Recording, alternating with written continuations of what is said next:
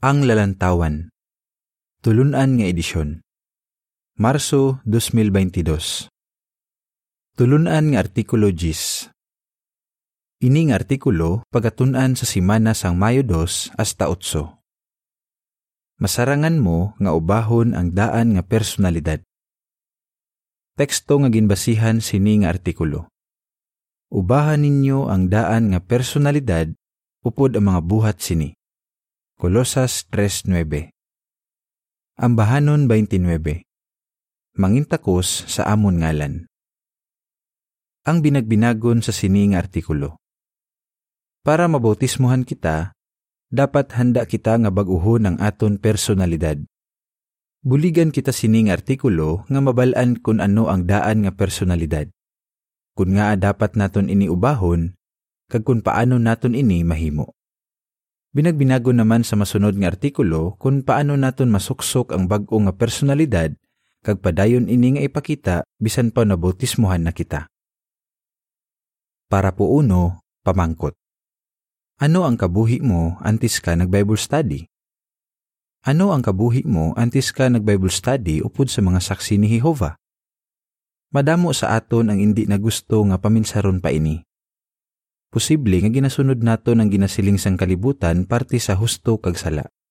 Kag makita ini sa aton pamatasan kag personalidad. Gani sang ginasunod naton ang kalibutan, wala kita sing paglaom kag wala kita sing kaangtanan sa Dios. Efeso 2:12. Pero nagbag-o ang aton kabuhi sang nag-Bible study na kita. Para po dos, pamangkot. Ano ang natunan mo kag narealisar sang nag-Bible study ka?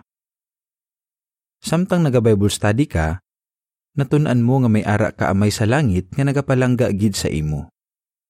Narealisar mo nga para malipay sa imo si Jehova kag para manginbahin ka sang iya pamilya, dapat ka maghimo sang dako nga pagbag-o sa imo kabuhi.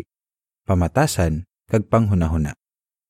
Dapat mo sundo ang ginasiling ni Jehova parte sa husto kag sala para putres, pamangkot. Suno sa Kolosas 3.9 kag ano ang gusto ni Jehova nga himuon naton? Kag ano ang binagbinagon naton sa sining artikulo? Si Jehova ang aton manunuga kag amay sa langit. Gani may kinamatarong siya nga magsiling kung ano nga mga kinaiya ang dapat ipakita sa mga membro sang iya pamilya. Kag gusto niya nga antes kita mabautismuhan, panikasugan gid naton nga ubahon ang daan nga personalidad upod ang mga buhat sini. Ari ang duga nga paathag. Ang pag-uba sang daan nga personalidad nagakahulugan sang pagdula sang mga pamatasan kag mga handom nga indi gusto ni Jehova. Dapat inihimuon antes sang bautismo. Balik sa parapo. Ang Kolosas 3, 9 kag 10 nagasiling hindi kamo magbutig sa isa kag isa. Ubahan ninyo ang daan nga personalidad upod ang mga buhat sini, kag isuksok ninyo ang bag-o nga personalidad. Nga paagi sa sibo nga ihibalo, ginabag-o suno sa larawan sang Dios nga nagtuga sini. Makabulig ini nga artikulo sa mga gusto magpabautismo nga masabat ang tatlo ka pamangkot. Una, ano ang daan nga personalidad? Ikaduha, nga gusto ni Jehova nga ubahon naton ini. Ikatlo, paano naton ini mahimo? Kung bautismado na kita, makabulig sa aton ining artikulo para hindi naton masuksok liwat ang nauba na naton nga daan nga personalidad. Ano ang daan nga personalidad? Para po 4, pamangkot. Ano ang ginahimo sang tao nga may daan nga personalidad? Kung ara pa sa isa ka tawo ang daan nga personalidad, sala nga mga butang ang iya ginahuna-huna kag ginahimo. Posible nga kaayuhan lang niya ang iya ginapinsar, dali siya maakig, wala siya nagapasalamat, kag bugalon siya. Mahimo na namian siya magtanaw sang pornografiya kag sang immoral o kun masingki nga mga palagwaon. May maayo man siya nga mga kinaiya, kag posible na konsensya man siya kung may malain siya nga ginsiling o kung ginhimo. Pero hindi niya gusto bag-uhon ang iya ginahunahuna kag ginahimo. Para po singko, pamangkot. Madula bala naton ang tanan naton nga malain nga ginahunahuna kag ginahandom? Ipaathag. Hindi kita perpekto. Gani hindi naton madula ang tanan naton nga malain nga ginahunahuna kag ginahandom. Kung kaisa, may mahimo kita o kung masiling ang hinulsulan naton. Pero kung ubahon naton ang daan nga personalidad, masarangan naton nga dulaon ang malain nga mga pamatasan kag untatan ang sala nga mga buhat mangin bag-o na ang aton personalidad. Ang binuhatan 3.19 nagasiling.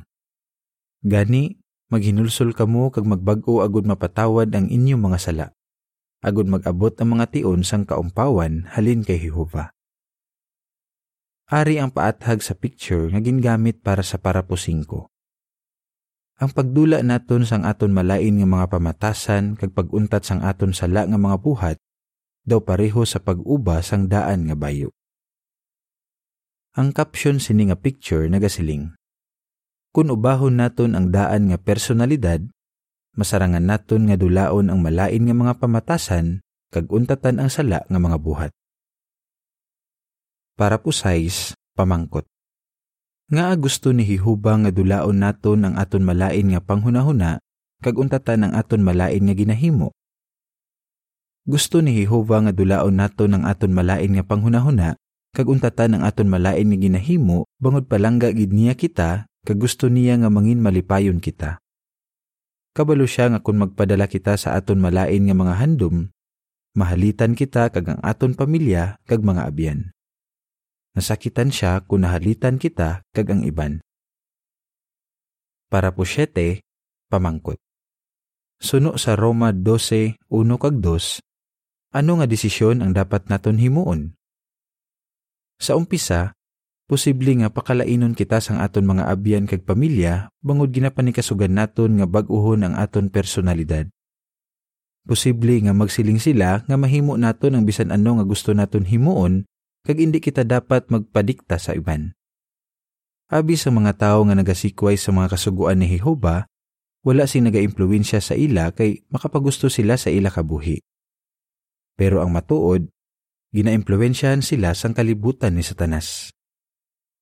Ang Roma 12, 1 kag 2 nagasiling.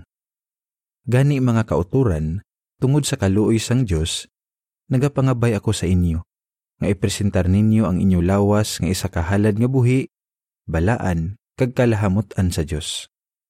Sa sini nga paagi, magahimo kamo sing sagrado nga pag-alagad nga ginagamit ang inyo ikasarang sa pagpangatarungan untatin na ninyo ang pagpadihon sa mga dalanon sang katawhan, sini nga sistema sang mga butang.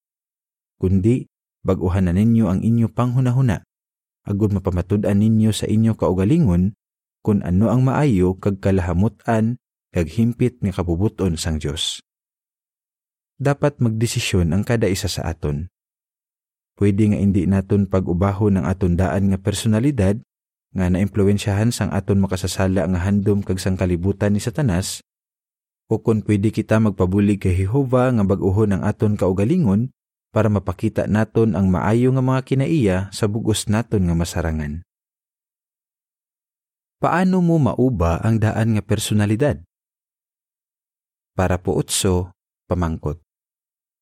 Ano ang makabulig sa aton para madula naton ang aton malain nga panghunahuna kag mauntatan nato ng aton malain nga ginahimo. Kabalo si Jehova nga kinahanglan ang tion kag pagpanikasog para madula nato ng aton malain nga panghunahuna kag mauntatan nato ng aton malain nga ginahimo. Gani ginagamit ni Jehova ang iya pulong, ang iya espiritu kag ang iya organisasyon para buligan kita nga magbag-o paagi sa paghatag sa aton sang kaalam kag usog. Sigurado gid nga ginbuligan ka na niya Pinagbinago nato ang pila sa pwede mo himuon para mauba mo ang daan nga personalidad kag para mabutismohan ka.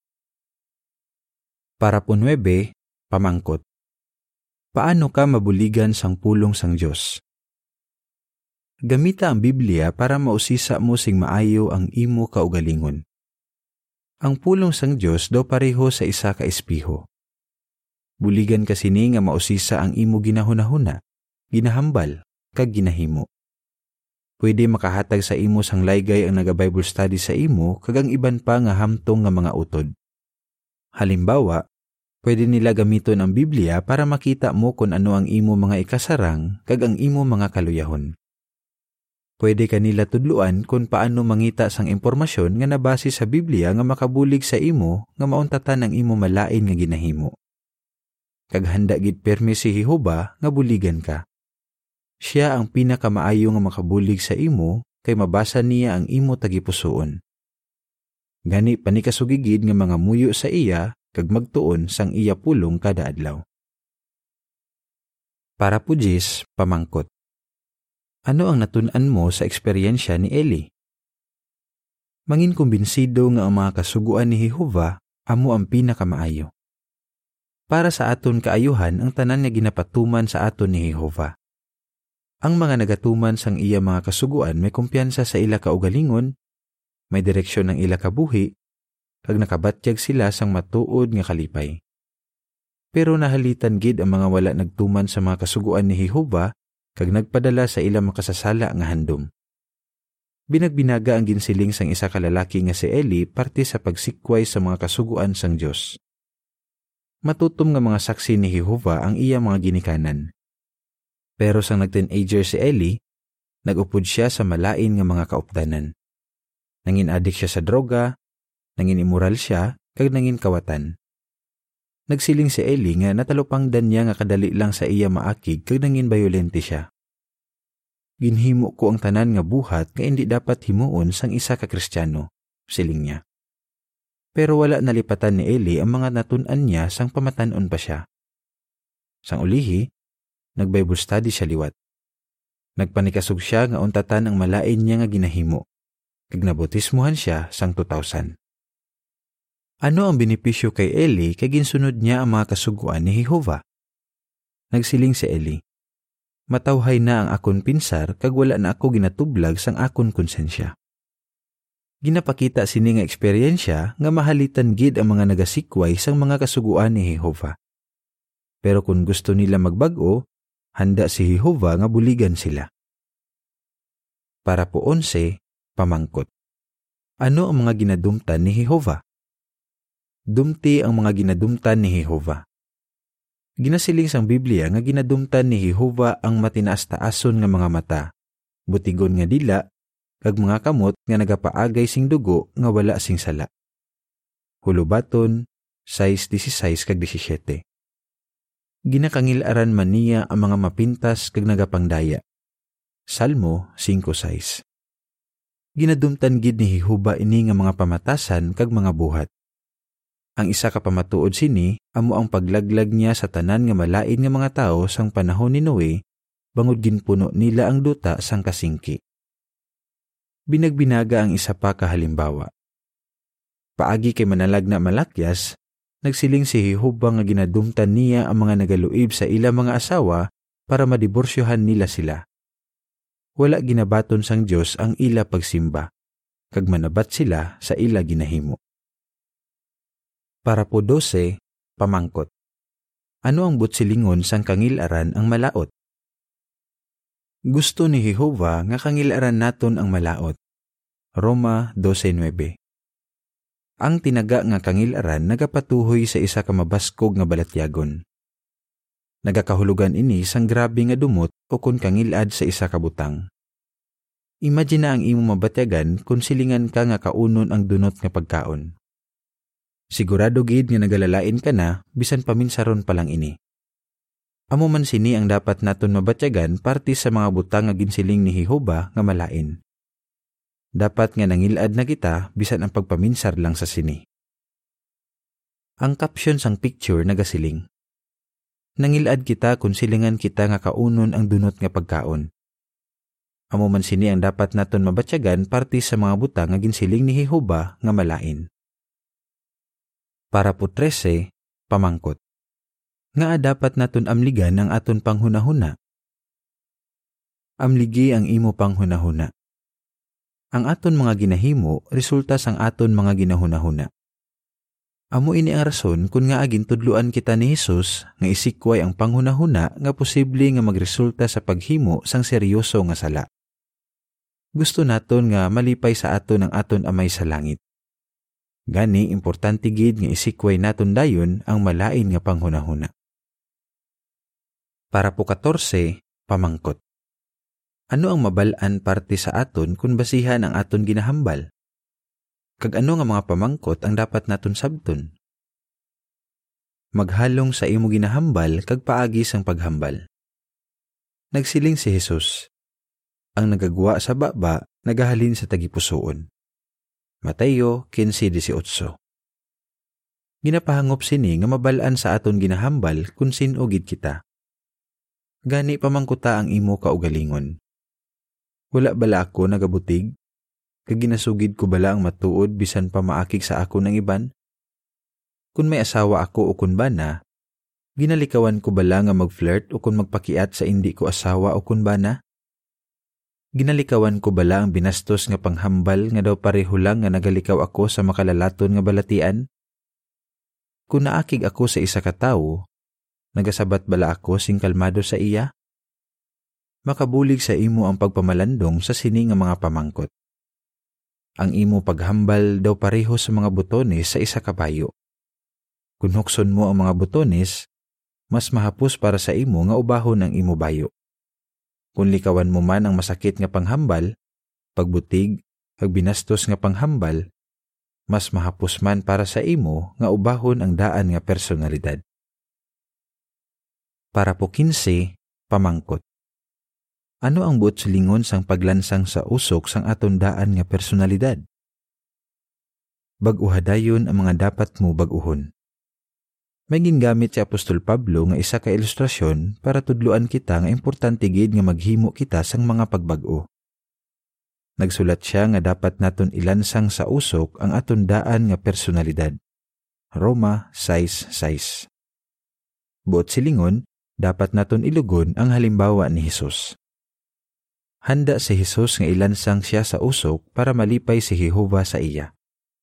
Kani para malipay sa aton si Jehova, dapat handa man kita nga dulaon ng aton mga pamatasan kag untatan ng aton ginahimo nga ginadumtan ni Jehova.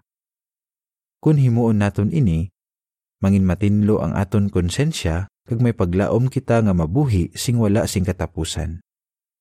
Tandai nga indi pagbag-uhon ni Jehova ang iya mga kasuguan para paayunan ang aton gusto. Kita ang dapat magbag-o kag kita ang dapat magsunod sa iya mga kasuguan. Para po 16, pamangkot. Nga dapat padayon mo nga pakigbatuan ang imo mga kaluyahon.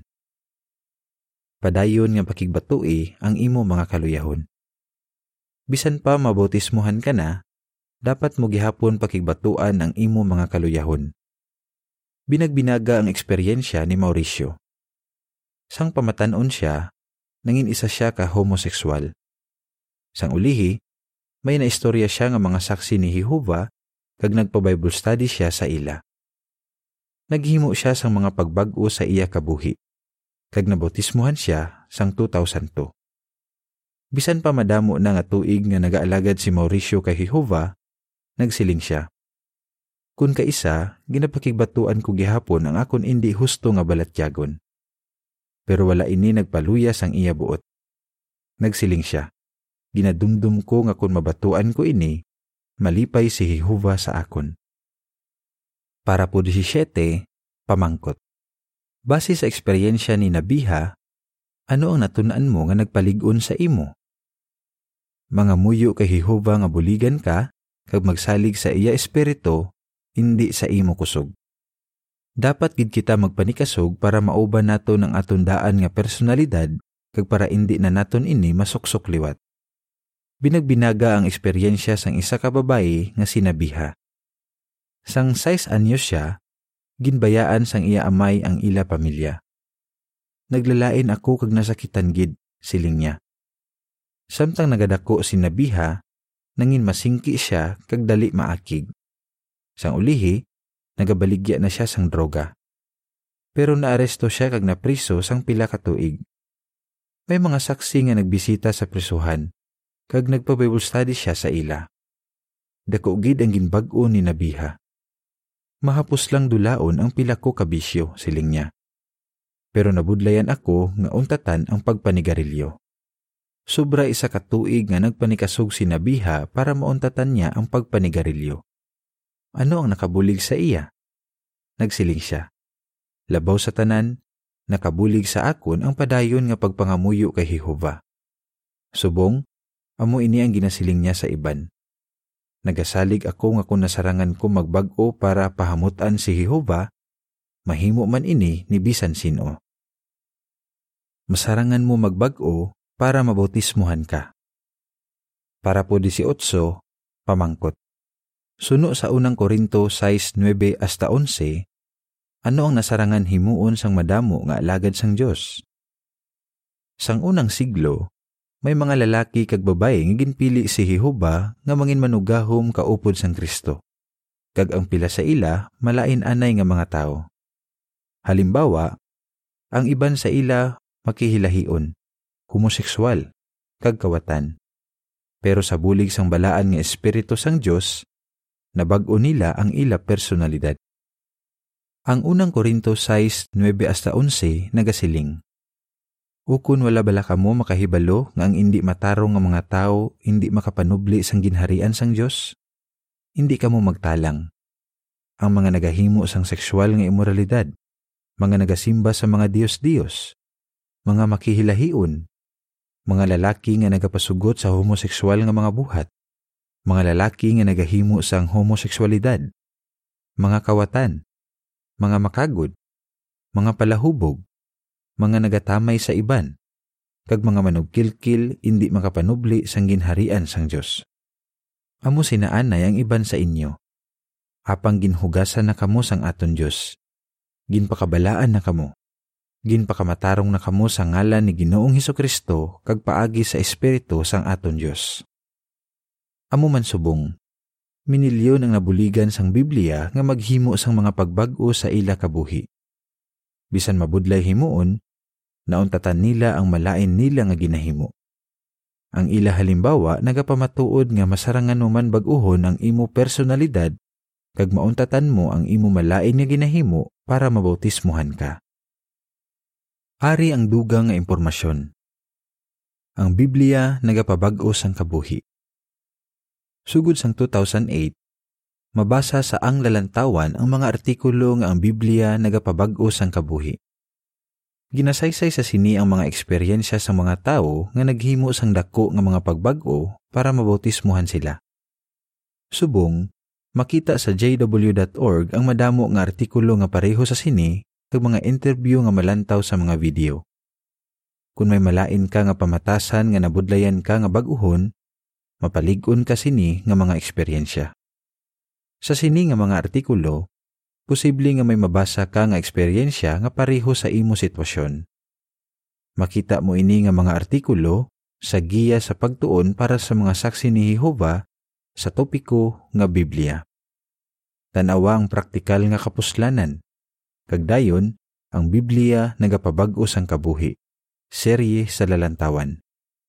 O kung pwede mo i-type sa search box sang jw.org slash HIL ang mga tinaga nga ang Biblia nagapabag-o sang kabuhi.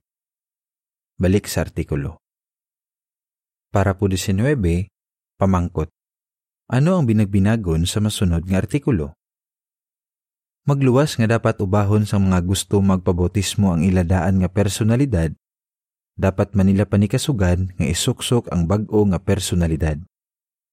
Binagbinagon sa masunod nga artikulo kung paano nila ini mahimo kag kung paano sila mabuligan sang iban. Madumduman mo bala? Ano ang daan nga personalidad? Nga dapat naton ubahon ang daan nga personalidad? paano naton mauba ang atundaan nga personalidad kag indi na ini masuksok liwat. Ambahanon 41 Palihog pamatii ang akon pangamuyo. Diri natapos ang artikulo.